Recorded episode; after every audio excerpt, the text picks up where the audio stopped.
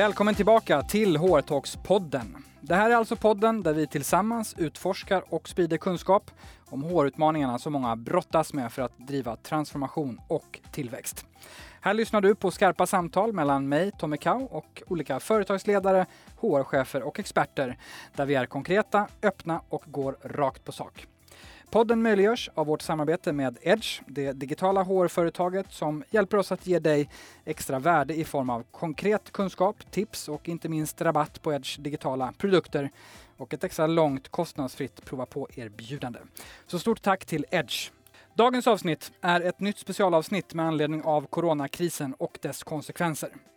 I dessa specialavsnitt pratar vi om hur vi som organisationer, ledare och HR hanterar krisen och vad vi ser framåt. Vi ska alltså prata om läget, åtgärderna och lösningarna och även scenarierna framåt.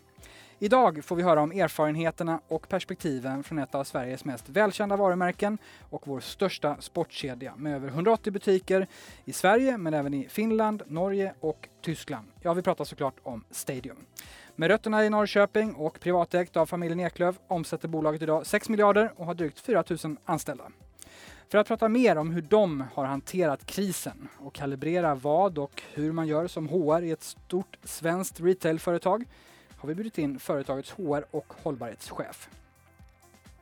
Hon har närmare 25 års erfarenhet från olika HR-roller och närmare 23 av dessa har spenderats inom läkemedelsföretaget AstraZeneca där hon har jobbat med HR både inom produktion, forskning och centralt i bolaget. Hon har startat upp flera HR-avdelningar, varit chef för HR Direkt, HR Data Management och de sista åren chef för bolagets HR och Business Support med ansvar för HR, säkerhet, hälsa, miljö och kommunikation med mera. Och sedan 2018 är hon alltså Stadium Groups HR och hållbarhetsdirektör och medlem i koncernledningen. Hon heter Åsa Brunsell och nu sätter vi igång dagens skarpa samtal.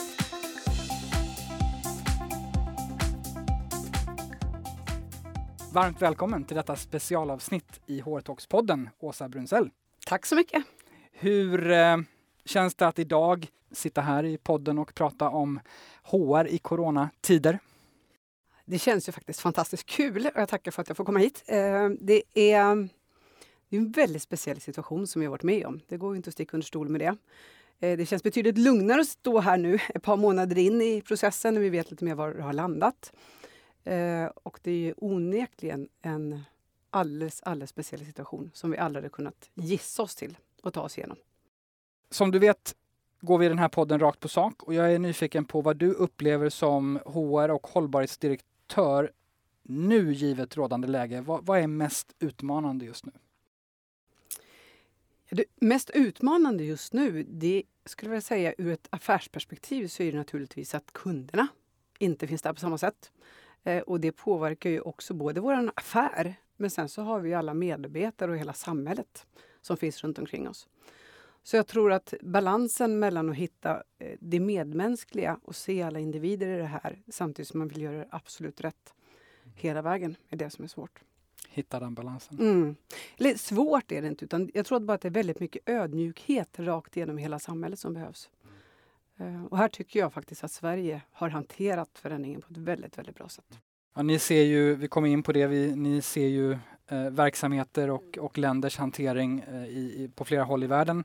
Hur eh, är din egen eh, krishantering i, i, i läget nu, sju, åtta veckor in? Jo, men jag tror ju själv att jag har haft corona, eh, gått igenom det i processen. Och eh, det här fick ju jag samtidigt eh, som hela krishanteringen började komma upp. Så att jag själv sitter i HR-rollen, jag satt i vår krisledningsorganisation och så kände jag hur jag började bli dålig. Så det var naturligtvis lite extra krydda i tillvaron att få det här samtidigt som jag då försökte hantera. Nu hade vi hunnit börja jobba en del med det, men det, hela coronahanteringen har ju varit som ett rörligt mål. Från dag till dag så har det förändrats saker och där vi som företag har försökt anpassa oss. Och sen så handlar det otroligt mycket både om att kunna ta beslut men också om kommunikation så folk vet vad som händer. Den största svårigheten har väl varit egentligen att alla vill ju veta vad händer nästa steg och det är det ingen som vet. Så alla de, frågar samma fråga. Ja, vad händer sen, vad händer sen, hur ska vi göra nu? Och det vet vi inte och det kommer ju nya besked både från regeringen hur man hanterar det och sen så hur vi vill stå upp som, som företag och hantera det här och bemöta både våra kunder men också medarbetare. Så det har ju varit otroligt speciellt. Så ur det perspektivet så äh, har jag provat på. Både då att leda det här men också faktiskt varit sjuk samtidigt. Mm. Vad har du, du, det här är ju inte heller första krisen du själv är med om. Vad, vad är din eh, samlade erfarenhet av vad som är absolut viktigast i det här läget? Kanske både som HR-chef och som, som för en stor organisation och som, som person? Alltså, den samlade erfarenheten är väl egentligen att det gäller att vara så tydlig med vilka strukturer sätter vi upp? Hur ska vi hantera den här krisen? Vem går in och jobbar med vad? Hur tar vi beslut och hur kommunicerar vi de besluten vi tar? Att vara så tydlig i kommunikationen. Och om man inte har någon information så är det också en information att ge. Vi vet inte, men att bara vara tyst, det är inget bra läge.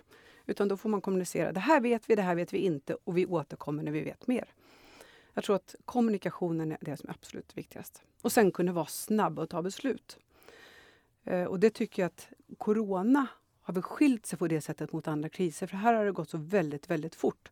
Så fort man har tagit beslut om någonting, då kommer det ny information in och så ska man försöka kommunicera ut det.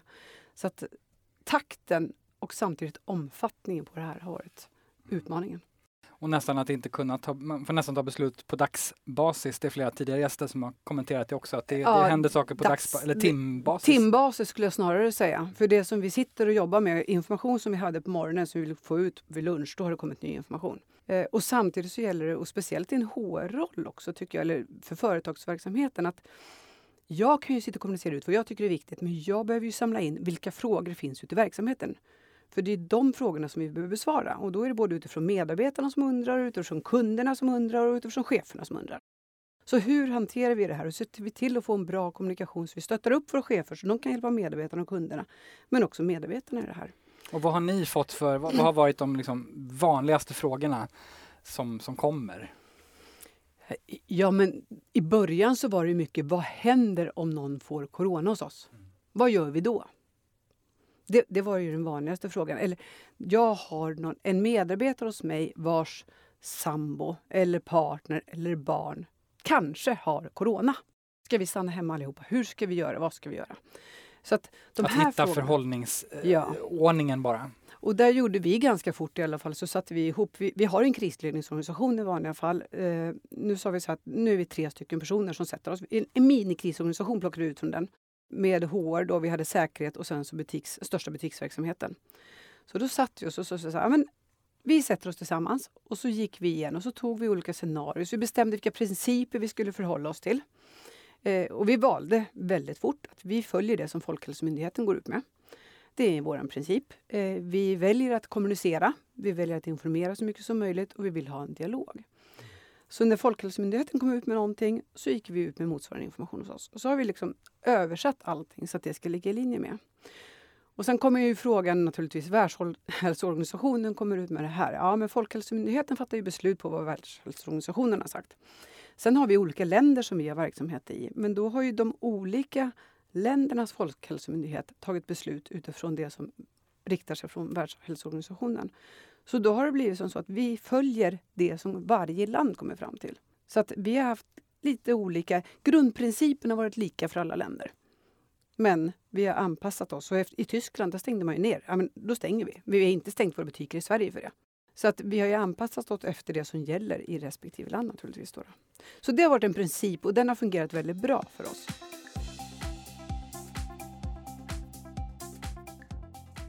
Hur, eh, jag tänker du sa att det var närmast varje, eller har varit närmast mm. på timbasis som mm. saker och ting förändras. Mm.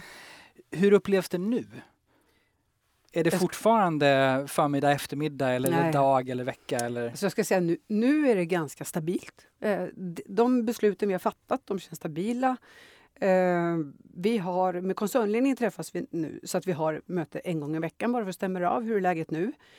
Eh, då gör vi en uppdatering utifrån varje verksamhetsområde. Då, då. Så tittar vi på hur läget. Ja, men vi har gjort våra vi har gått igenom hela verksamheten. Vi har tittat på vår bemanning. Vi har tagit beslut efter det med både de som vi har sagt upp då och korttidspermitteringar. Vi har inte sagt upp någon fast personal, men för att gå in med korttidspermitteringar så har vi varit tvungna att säga upp visstidsanställda.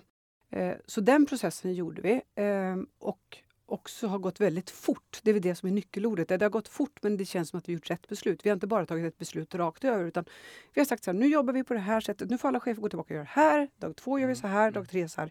Och så har vi haft en jättetydlig kommunikationsplan. Träffades ni oftare du sa koncernen träffas en gång i veckan. Har ni träffats mm. oftare under processen? Nej, eller? då hade vi den här lilla krisledningsorganisationen som körde. Och vi hade ju kontakt så fort. Hela det gick tiden. ju liksom, ja, så, då är det bara trepartssamtal. Mm. Nu har det här dykt upp, nu har det här dykt upp. Och så i början så förde vi en logg på allting. Nu har den här och hört av sig, nu har den här sagt det här, det här beslutet tog vi då. Och så följde vi så hela tiden för att vi skulle kunna vara konsekventa. Och till slut så kändes det att ja, men, nu börjar det här sitta väldigt bra.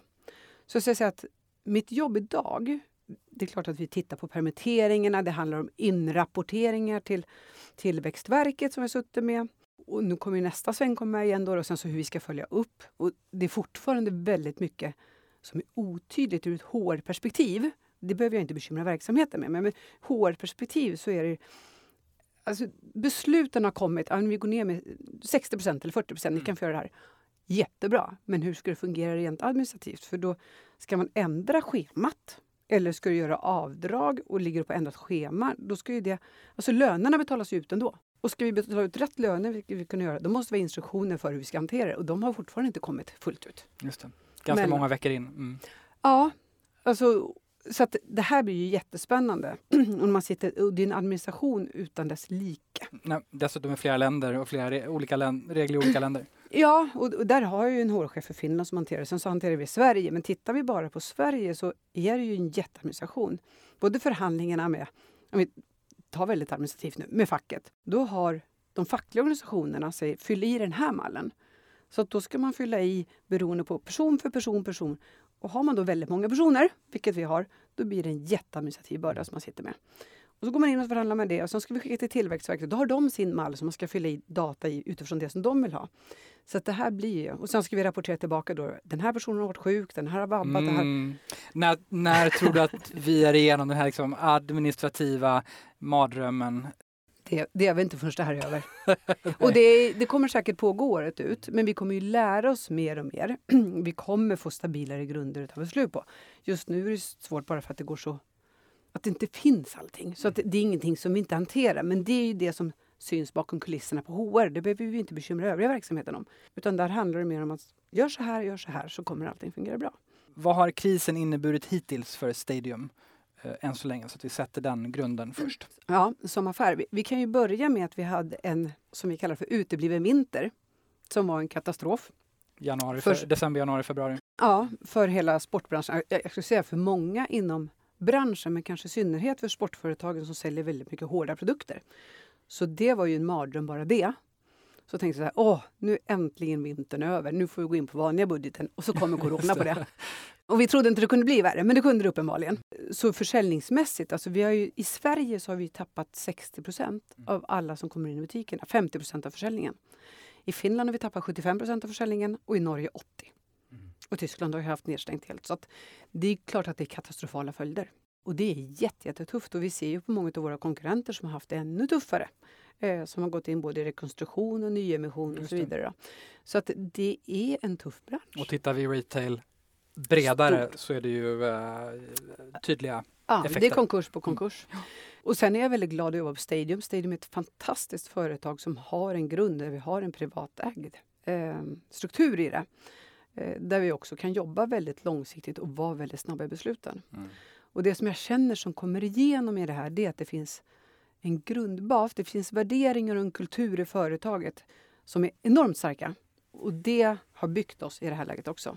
Ja, för jag tänker lite att, att, om man tittar utifrån så mm. ser man liksom en verksamhet som har byggts under 30 år, 40 år. Mm. Kurvorna pekar mestadels uppåt, rejäl framgång, familjen har köpt tillbaka bolaget och så vidare. Och tittar man 2019 när jag gjorde lite snabbkoll på era siffror så var det ju all time high mm. inom flera parametrar. Mm. Och sen kommer vintern och så kommer coronan mm. eh, och så får vi se nu vad som händer då. Vi, vi ska ta oss ur det här. Det finns inget annat på kartan. Nej, det är Nej. bra. Men jag tänker lite så här hur man hänger ihop. Vi kommer kanske in på det mer eh, sen, mm. men hur man håller i det där. De tydliga värderingarna, eh, visionen, missionen och rollen mm. och att ta hand om medarbetarna och så vidare. Mm. Vad, vad är din reflektion efter den här perioden kring de grejerna? Alltså vi Alltså desto starkare grundstruktur du har att stå på, desto bättre klarar sig ett för, företag ur en sån här kris. Det är så. Och, och vi, kan, vi gjorde vår medarbetarundersökning precis nu. Så hade vi den, den gick väl i var det februari, mars här. Och så fick vi tillbaka resultatet och då är det ju lite läskigt. Och så kommer vi tillbaka så har vi höjt resultaten ännu mer. Mm. Och det säger någonting om vad det finns att stå på. Och medarbetarna är ju grymma. Helt fantastiska är de. Och det är så, de ser ju också vad som händer ute i butikerna. Folk kommer inte in och alla går in och jobbar för att man ska få det så bra. För det finns en enorm lojalitet och stolthet över att jobba i bolaget. Mm. Eh, och det är klart att det har ju inte byggts upp över en natt. Och det är hela grundbasen. Både med att de som jobbar hos oss tror på vår vision eh, om att aktivera världen och leva ett aktivt liv. Det, det finns en enorm stolthet. Vi har 92 procent som känner sig stolta över att jobba på Stadium. Mm. Det var en wow. undersökning. Så det är fantastiskt. Eh, EMPS hade gått upp med fem enheter så vi ligger på 66 från skala på minus 100 till plus 100. Så vi har jätte, jättefina siffror och det är det här tillsammans med vår värdegrund som gör att vi klarar oss ur det här. Vi blir, alltså, vi blir nästan starkare när det mm. kommer såna här saker. Det blir så här, åh! Och den kampviljan som finns och tävlingsinstinkten den är ju helt fantastisk.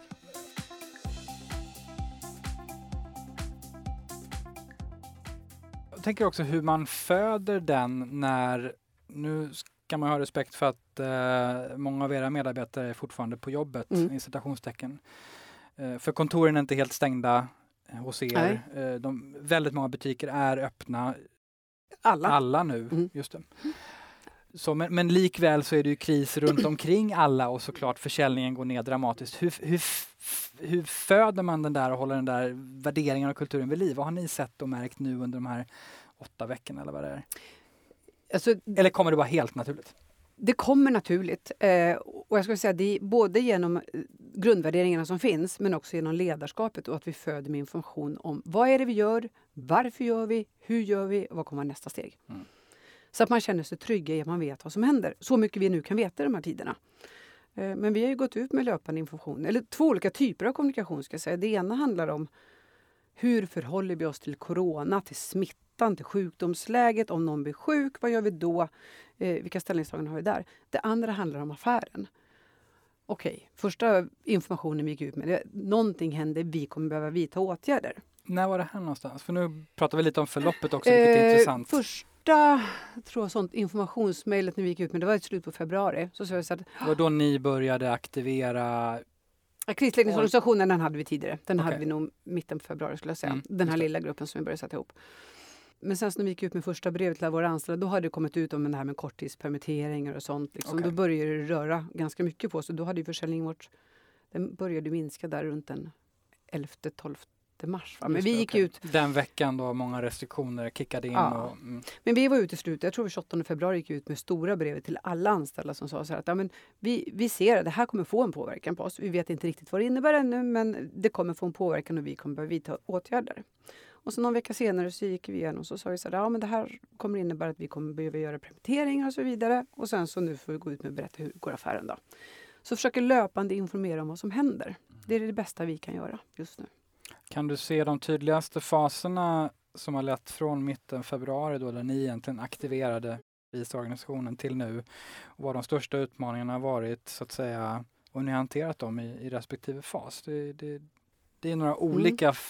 Men det är steg olika man har gått igenom. Ja, precis. Eh, första handlar ju bara om att sätta ihop bilden. Vad är det här för någonting? Hur kommer det påverka oss? Hur ska vi kommunicera? Hur ska vi organisera oss? Det var den första fasen för att mm. sätta en stabil grund. Och, sen, och där, förlåt, och där, vad byggde ni det på? För ni har ju inte verksamhet i Asien. Eh, produktion? Produktion, ja. Mm. Har vi. Eh, och alltså, de delarna börjar ju påverka, för får inte vi hem produkter så har vi ingenting att sälja. Nej. Nej. Sen är det så att de produkterna vi säljer nu, de har ju vi köpt in för ett år sedan. Så att det här kommer ju slå gå mycket längre. Det är ju de produkterna som kommer säljas om ett halvår, år som vi börjar komma se effekter på nu. Men det är klart att sånt påverkar också och hela stoppet där. För även fast produkterna var beställda så måste man ju få hem dem och låta både båtar och lastbilar och annat mm. gå genom landsgränser och så vidare. Mm. Men det var det, ja. sätt bilden mm. egentligen första utmaningen och sen var det och strukturen för hur vi ska jobba, hur vi tar beslut, hur vi kommunicerar runt det. Eh, så det var ju nästa. Eh, och informera om de kommande stegen. För det enda vi kunde se det är att vi vet inte vad som kommer hända. Men då skulle man vara trygga i att så hör ni någonting, har ni frågor, vänd er hit. Och så hade vi vår lilla krisledningsorganisation så vi tog emot allting. Och på det sättet kunde vi se vilka frågor som fanns. Eh, vad är man orolig för? Vad behöver vi informera om? Och så ha en jättetät dialog hela tiden. Och nu när vi är som sagt åtta veckor in eller, eller vad det nu är, det igen, det är mer än sen ni kickade igång krisorganisationen.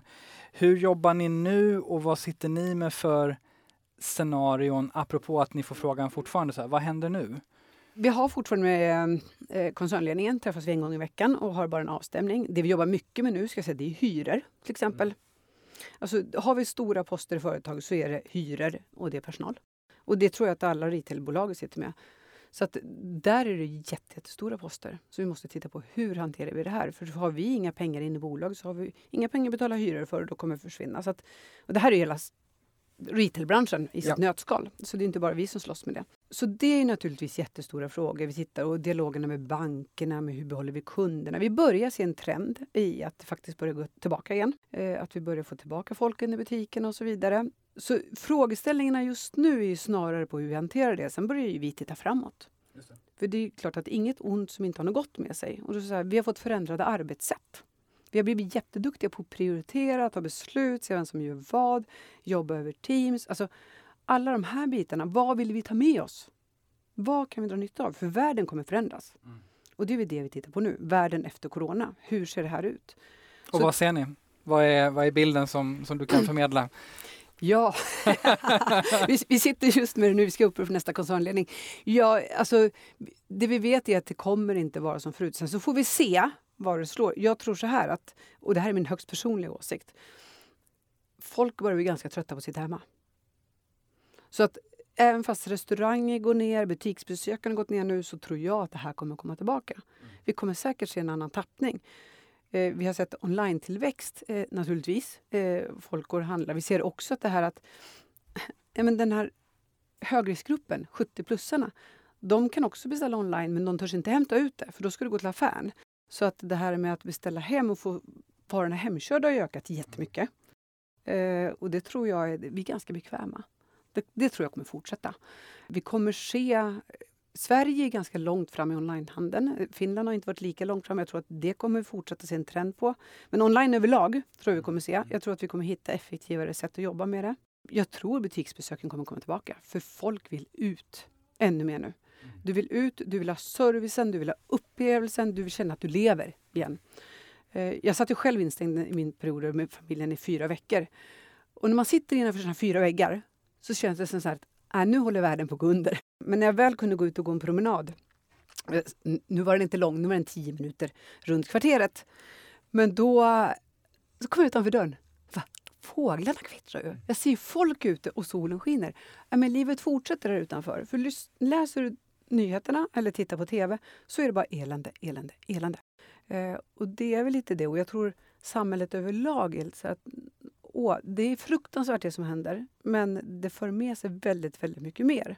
Och vi kommer se depressioner. Vi ser allt ifrån hur självmord, benägenheten ökar, det är misshandel i hemmet, det är mm. psykiska mm. saker. Och då har vi i Sverige ändå haft en god hållning där folk kommer ut. Men vi, vi har, har, inte varit helt i lockdown Nej. i de här veckorna. Och det tror jag att alla andra länder kommer att se. Och det priset, det kommer få betalas ut i världen. Och där är det ju tyvärr väldigt många barn som är drabbade. Mm. Eh, som är helt oskyldiga, som inte kan förstå vad corona är eller någonting sånt. Som sitter. Så att den här de effekterna av corona som vi kommer att se efteråt tror jag är så mycket större än det vi ser nu. Mm. Och det är läskigt för det, vi kommer inte se allting.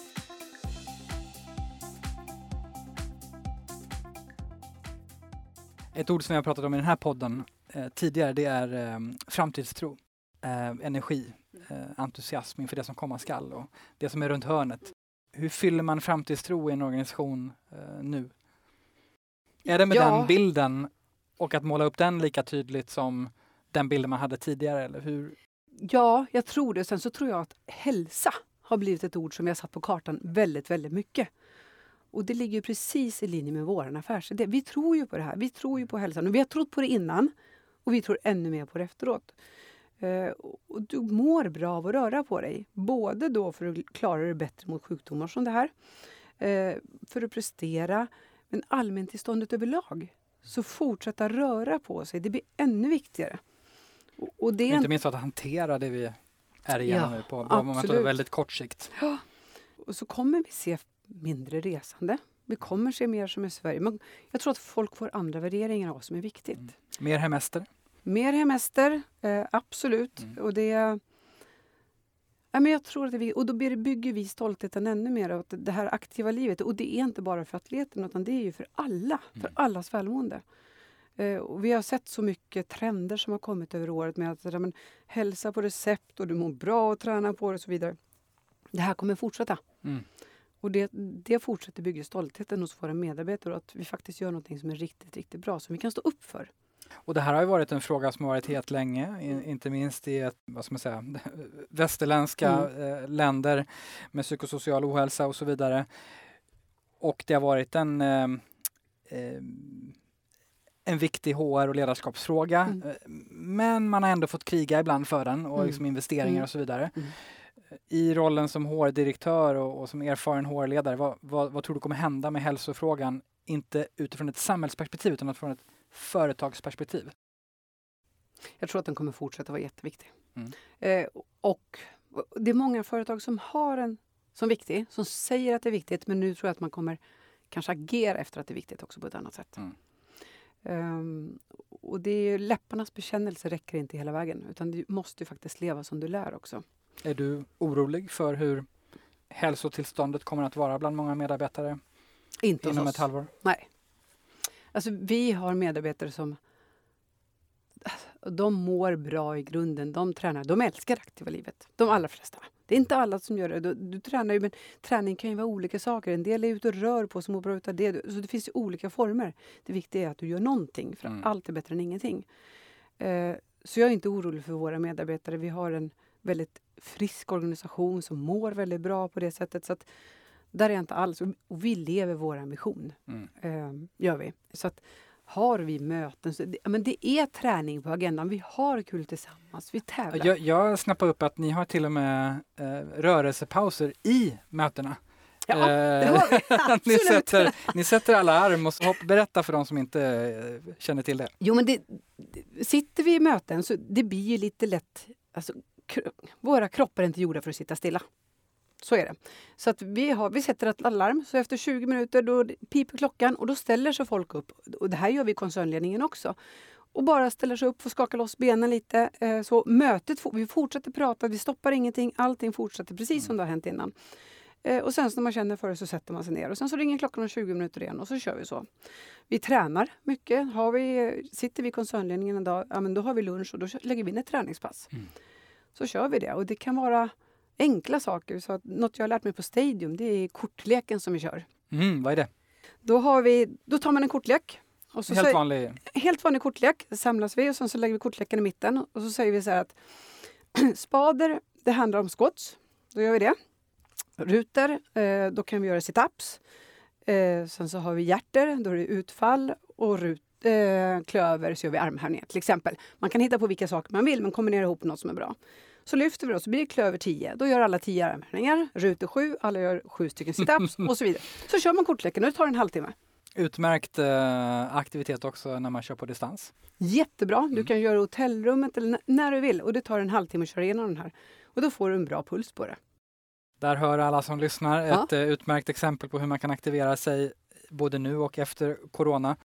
Eh, nej, för det blir, man blir kanske lite nyfiken på att höra hur jobbar ni med alla de här grejerna i och med att du säger att nej, men hos oss mår alla bra, alla tycker om att träna i, i regel som grund och, och ni har rörelse och träning eh, överallt, det genomsyrar hela företaget. Om man inte har ett sådant företag, vad är de här små grejerna man kan göra, tycker du, som ni gör bra, som man kan inspireras av? Det här är en sak. Det här är en sak, ja, men det handlar också det handlar om att leva... Alltså, det, det, går inte bara att köra läpparnas bekännelse utan tror man på riktigt att det är viktigt som företag, då får man engagera i det. Och det innebär inte... Bara göra en kortleksövning? Ja, men det, du kommer långt på det. Eller, mm. Alltså uppmuntra, men inte bara säga att alla ska göra. Utan, och det behöver inte handla om att alla ska ge massor med friskvårdspengar eller friskvårdstimmar eller göra sådana saker. Det får man göra utefter de förutsättningar man vill. Men att faktiskt bara ibland göra någonting roligt tillsammans som innefattar någonting med något kort träningspass. Just det. Ja. Det är ju alltid intressant att höra vad man drar för reflektioner om vi nu liksom tar ett steg tillbaka. Du har jobbat i, i andra bolag också och hanterat andra kriser. Vad, vad, är kanske speciellt eller utmärkande tycker du för hur ni har hanterat den här krisen? Om man ska summera på, på Stadium kontra annat du ser eller varit med om. Jag skulle nog vilja säga att det är snabbheten och flexibiliteten i hur vi har jobbat. Både från det att vi sätter upp organisationen till hur vi tar beslut och kommunicerar. Men det går väldigt, väldigt fort. Vi är, inte en jätte, vi är en stor organisation, men vi är väldigt små när vi kommer fram till agerande och väldigt beslutsamma. Det går snabbt till besluten och så tar vi dem och kommunicerar dem. Men vi har också en flexibilitet i det att vi snabbt kan ändra oss när vi har behov av det. Ge några exempel på, från den här resan eh, på de två grejerna. Nej, men jag, jag tror kommunikationen överlag. Nu får vi fråga, mycket frågor om det här. Bra, då tar vi ett beslut på det, hur vi agerar och så går vi ut med kommunikation runt det. Så, då tar vi det. Så, så, kan det komma, så skickar vi ut och vi testkör ofta gärna lite. Så här, den här kommunikationen tänkte vi gå ut och så skickar vi ut till några chefer. Landar det här bra? Nej, det här är jättebra, det här är jättebra, men det här tror jag ni kommer få fråga på. Okej, tillbaka med det, ändra och så lägger vi om. Så att det går väldigt snabbt och det finns en... Alltså folk engagerar sig och vill verkligen, verkligen få det bra. Genuint. Det är inte massa floskler och fina ord utan det är så här, rakt på sak. Nu gör vi så här och så ställer folk mangrant upp bakom det. Mm. Är du ehm, eh, glad och, och, tacksam över att vara ett eh, svenskt privatägt bolag i det här läget? Definitivt. Mm. Eh, det finns nu inget bolag heller skulle vilja vara på just nu. Och Det är för att det går så fort. och det finns jag menar, familjen Eklöf har verkligen ett genuint intresse av att fortsätta få bolaget att rulla i massor med år till. Och de gör ju allt för att få det här att fungera också. Så det är stort engagemang hela vägen och även ner i hela verksamheten. Det är värdegrunden som finns där och den genomsyras överallt.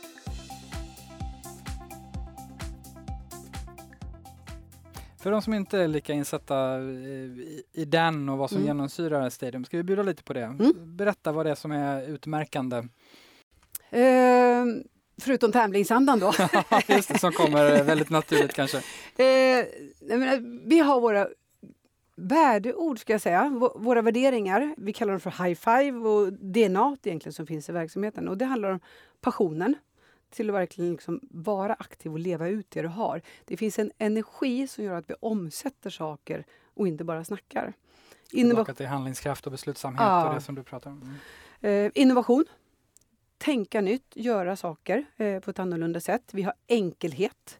Att göra saker. Krångla inte till det. Gör det enkelt. Eh, och sen så det sista med laganda, som är extremt viktigt. Tillsammans som lag kan vi lyckas.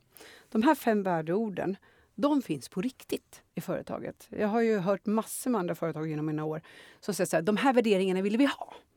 Mm, det kan man vilja ha, men finns de inte där så du kan jobba i evigheters evigheter. Utan, men de här värderingarna är det som kommer från familjen. Så har de velat driva företaget, det är familjens värderingar. Och därför genomsyras de också. De finns där på riktigt. Och det slog mig väldigt, väldigt starkt när jag kom in i bolaget. Det här är, liksom, det är på riktigt. Och det är med ett stort hjärta som de finns där. Så att, och, och, det tror jag är mycket så här att man vill förändra andra företag. Ja, men nu ska vi jobba, nu ska vi ha de här värderingarna. Ja, försök inte trixa till det. Hitta det ni har, er värderingsgrund, och så bygger ni på de starka sidorna och utvecklar det därifrån istället. Istället för att säga att nu ska vi helt andra värderingar. För det går inte. Då, då jobbar man sig blodig. Ja. Jag tänker spontant på att det är många där ute nu, eh, en, en uh, vild chansning. Mm. Det är många där ute nu som skulle vilja ha eller se mer av andra mm. värderingar och andra mm. beteenden som man mm. egentligen skulle behöva nu men som du, du hinner liksom inte bygga det nu utan du har det du har. Um, men en sak, du nämnde um, innovation och nu finns det liksom en nästan inbyggd motsättning i när det är kris, då får det gärna bli tydligt, enkelt, avskalat. Vi fokuserar eh, mer på att kapa kost. Och hur eh, har innovationsdelen sig uttryck nu? Eller hur tror du den kommer att ta sig uttryck jag tror att den kommer fortsätta. För nu om någon gång behöver vi ännu mer innovation. Mm. Men inte göra saker komplexa utan göra dem enkla.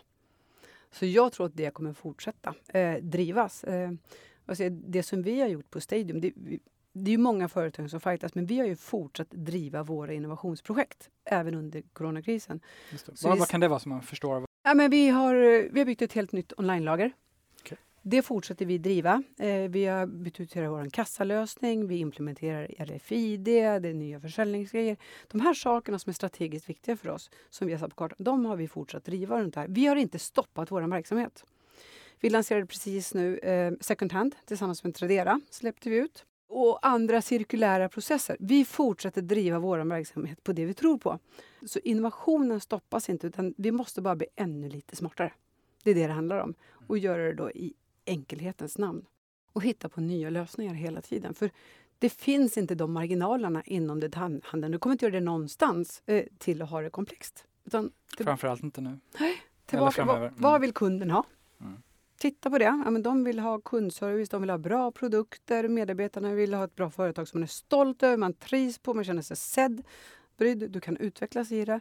Jobba på dem, jobba på grundvärderingarna. Varför finns vi till? Och så bygger man företag på det. Jag vill tacka vår samarbetspartner, digitala hårföretaget Edge. För med deras digitala produkter kan du som HR-ledare eller chef få tillgång till användbara mallar, dokument, checklister och kalkyler och få snabba och trygga svar på alla möjliga frågor inom HR. Allt i syfte att förenkla och effektivisera ditt HR-arbete så att du kan frigöra viktig tid. När jag själv tidigare var chef var exempelvis en av utmaningarna att göra korrekta kostnadsanalyser eller business cases för olika förändringar eller satsningar i personalen. Det kunde vara allt från investeringar i hälsa och kultur till beräkningar för både nyanställningar och omorganisationer. I Edge produkter finns det flera riktigt bra beräkningsmodeller som jag skulle haft stor nytta av då. Så missa inte att gå in och kika på Edge produkter som nu via Hårtalkspodden kan fås med 15% rabatt eller testas i två veckor helt kostnadsfritt. Så kika direkt på edgehr.se hårtalks. Du kom in på hållbarhet som är intressant. Mm. Mm. Eh, ni jobbar ju med FNs globala mål som, som många andra. Ni, du är också ansvarig för hållbarhet. Mm. Den spontana reaktionen eh, är ju inte helt eh, sällan, det där får vi vänta med nu. För nu måste vi liksom ha hand, ta hand om businessen när det går, när det krisar. Vilka konsekvenser tror du vi kommer se på hållbarhetsarbetet? Med det vi upplever ja, eh, jag tror att vi kommer se både konsekvenser och fördelar konsekvenserna, risken finns att företagen inte har möjlighet att jobba med det på samma sätt som tidigare. Eh, det är ändå så att det blir lite extra att jobba med de frågorna. Titta på hur kan vi bli lite mer miljövänliga inom det här eller jobba med andra delar inom det. Det gäller att få företaget på fötter först. Mm. För har du inte företaget på fötter så då kan, det hjälper inte mycket att jobba med hållbarhetsfrågorna om du inte får in några pengar i företaget. Så är det. Sen tror ju vi väldigt starkt på att jobbar du inte med hållbarhetsfrågorna så kommer du inte vara framgångsrik långsiktigt. Eh, och det tror jag alla företag, eh, inte alla, eh, många kan skriva under på, men du måste ju fortfarande ha en ekonomi och få det att gå runt. Och det kommer många företag stå med nu. Sen ser vi ju andra positiva fördelar med det här resandet till exempel, som har minskats, vilket har satt en enorm påverkan på miljön. Jag tror att det är ännu fler som kommer lära sig arbeta digitalt framåt, vilket kommer få positiva konsekvenser. Så att det är ju den positiva fördelen av eh, corona i de här sammanhangen. Det, det handlar om att fortsätta jobba med det. Eh, det är lätt att tro att alltså, hållbarhetsarbetet är svårt på det sättet. Man vill att allting ska vara perfekt från början. Mm. Och det är det inte, för då hade vi inte behövt jobba med frågorna. Utan det viktiga blir att vi alla försöker göra någonting. En person kan inte göra allt, men alla kan göra något. Och det är så vi bidrar och det är så vi jobbar med det här. Och vi ser ju efterfrågan hos kunderna ökar ju jättemycket. Så vi tittar massor på våra cirkulära processer. Vi har ju det som vi kallar för reactivate. Man kan lämna tillbaka kläder och sen så samarbetar vi med Human Bridge så att de kommer tillbaka till andra länder som behöver dem. Vi har satt igång second hand nu med Tradera. Eh, också jättekul och jättespännande att fler kan få då sportutrustning. Som, alla har inte råd att gå och köpa nytt. Men alla ska ha råd med ett aktivt liv och då blir det en del i vår vision också, att man faktiskt ska kunna göra det. Då möjliggör vi det på det sättet. Och så har vi våra olika koncept med lågpris på Stadium Outlet och sen så har vi vanliga Stadium och så har vi Sneakers Point som är vårt tredje ben med lite häftigare grejer. Mm. Eh, vi tittar också på cirkulära processer så att vi har samarbeten. Vi håller på med projekt tillsammans med eh, Vinnova Rice eh, och sen så Trikoby där vi syr upp, där vi har återvunnit gamla kläder eh, från Brommapojken, den här tröjor och så tagit fram nya tyger och så tar vi fram en liten kollektion på det. Vi håller på med Vinnova nere i Siptex och försöker titta på hur vi kan återvinna material för att bygga upp nytt. Så vi håller på olika forskningsdelar också och är bra samarbetspartners. Eh, textilbranschen har ju stor påverkan på miljön. Så att, och vi är medlemmar i Sticka, eh, svenska samarbetet för textilindustrin och tittar på hur kan vi tillsammans med andra jobba för att få så få utsläpp som möjligt. Eh, för det här handlar om att slå sina kloka ihop, lära ut av varandra. När det kommer till hållbarhet, då får vi släppa konkurrensen. Då måste vi hjälpas åt, för det är för allas välmående. Så där jobbar vi jättemycket tillsammans med dem för att titta på det. Det är klart att vi har satt upp mål i hur vi vill påverka utsläppen. Att vi vill vara eh, klimatneutrala till 2025 på de saker vi påverkar själva. Vi vill minska utsläppen med 50 procent till 2030 totalt på våra egna produkter till 2025. Så vi har ju satt upp mål med det. Och det viktiga är att vi försöker jobba kontinuerligt mot det för att sträva någonstans. Har man mål så blir det mycket lättare att jobba med det. Och där är ni väldigt strukturerade och släpper hållbarhetsrapporter mm. och, och, de kan man läsa med, med mm. fördel om man vill fördjupa sig mer. Mm. Eh, vi var inne eh, tidigare på kommunikation mm.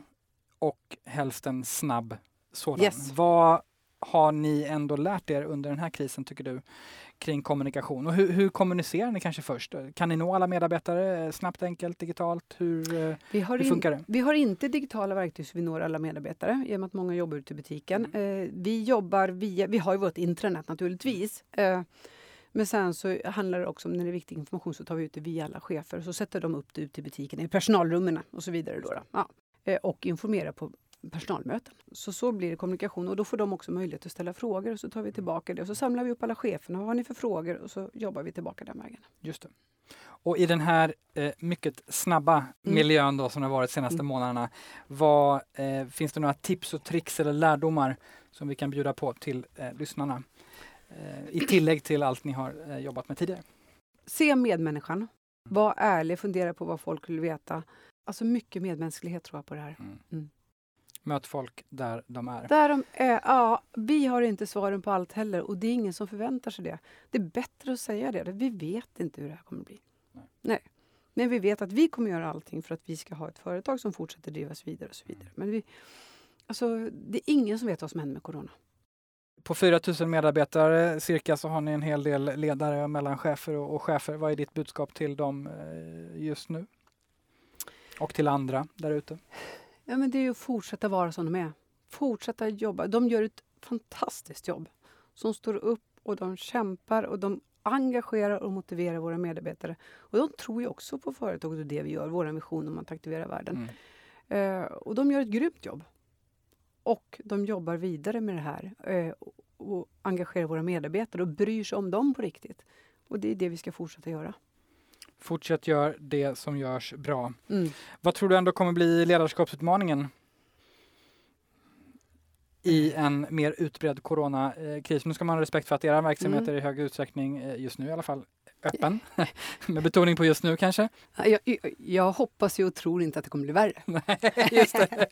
Nej, det, får, men, det får vi gärna hoppas på. Ja, ja, alltså jag tror ju inte det. Eh, alltså skulle det bli så att vi får en lockdown i Sverige också, skulle kunna hända. Men jag tror inte att vi får det. Jag, jag, tror inte det. Då får vi ta det då. Och blir det en lockdown så är det en lockdown. Alltså det beslutet är ju ganska enkelt. Då har vi inga butiker öppna. Nej. Nej. Uh, så att, uh, men jag tror inte att vi kommer komma dit. Jag tror inte det. Men eh, ta beslut utifrån rådande situation mm. helt enkelt. Precis. Jag tänker, ehm, du är HR-direktör. Mm. Du har eh, varit det eh, i olika kapaciteter under eh, många år. För de som lyssnar som kanske mm, lite med om det här i den här omfattningen eller ens i närheten av omfattningen för första gången eller ganska tidigt och dessutom kanske sitter på mindre bolag. Vad är budskapet till dem? Använd sunda förnuftet i vad folk vill veta och ta det därifrån och bara vara ärlig och transparent. Det, det finns inga genvägar, utan tänk efter. Vad är det folk behöver veta? Vilka frågor ställer du dig? Ja, då ställer sig antagligen andra personer samma frågor. Då försöker vi besvara dem. Och har jag inte svar så säger jag det att jag inte har svar. Men jag måste också återkomma när jag kommer ge besked. Så jag tror att väldigt mycket kommer komma tillbaka till vilken struktur sätter vi, hur tar vi beslut och hur kommunicerar vi? Både om den information vi har och när nästa kommunikation kommer. Mm. Och de tre sakerna kan alla göra oavsett ja. vilken verksamhet man sitter i. Eh, och det, vi cirkulerar tillbaka till enkelhet som du har varit inne på flera gånger. Och att eh, egentligen vara människa först och HR eller ledare sen. Alltså utgå från ja. att eh, i det här så är det, det är en mänsklig kris. Det är en mänsklig mycket. kris, ja. Och jobba i laget, tänker jag. Mm. Tro inte att du vet allting själv, utan ta hjälp av andra. Det är så lätt att tro att nu ska jag veta allting själv som HR-person. Och det är nog bland det sämsta jag kan göra. Utan samla folk, skicka ut, slå en signal. Vad frågar de om nu? Vad behöver de veta nu? Så att jobba med laget runt omkring dig.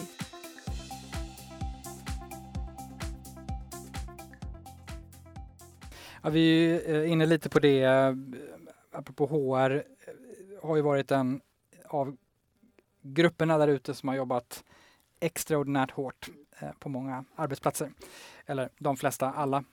Vad tror du blir konsekvenserna, både positiva och mindre positiva, för HR i allt det här? Det här är ju, ur ett HR-perspektiv så har du haft möjlighet antingen sätta dig själv på kartan visa vad du går in och levererar eh, och hur du kan hjälpa till i en verksamhet och faktiskt påverka på ett väldigt positivt sätt. Har du inte tagit stafettpinnen så kommer det också märka eh, och då är det risk för att man får tappat förtroende. Mm. Eh, så att det är ju väl, alltså, det är möjligheter ur det perspektivet om du går in och tar lid på det. Mm. Fantastiska möjligheter skulle jag säga. Uh, och jag ser ut i vår verksamhet så mycket positiv feedback som vi har fått i det här i hur HR har gått in och tagit lid och hanterat och verkligen varit tydliga. Det är fantastiskt och det är så kul för då orkar du sitta och jobba alla de här timmarna för det är grymt många timmar som ligger bakom. Har du varit med om något liknande?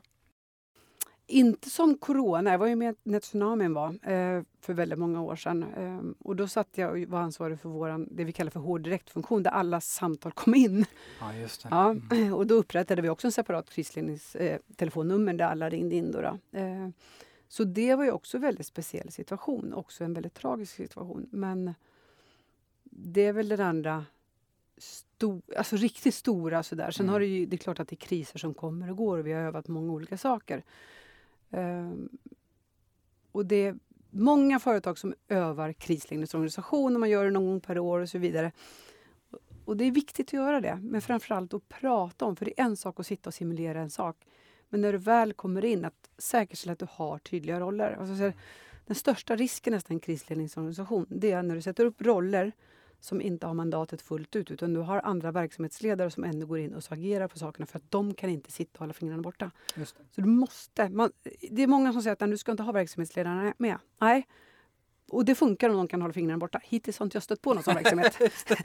Nej, och i, de har ett genuint engagemang. Såklart. Och ibland bråttom. Uh, att man inte upplever att man hinner vänta på att någon Nej, så kan det också vara. Mm. Så att var med och liksom, de som sitter på ansvaret, låt dem vara med och jobba. Sen, kan du ha, sen ska du ha tydligt vem som gör vad och så vidare. Men det är, jag tror att det är så viktigt. Desto mer fördelar med att hålla den tajt och, och liten. Ni var tre personer i, i, i er koncern.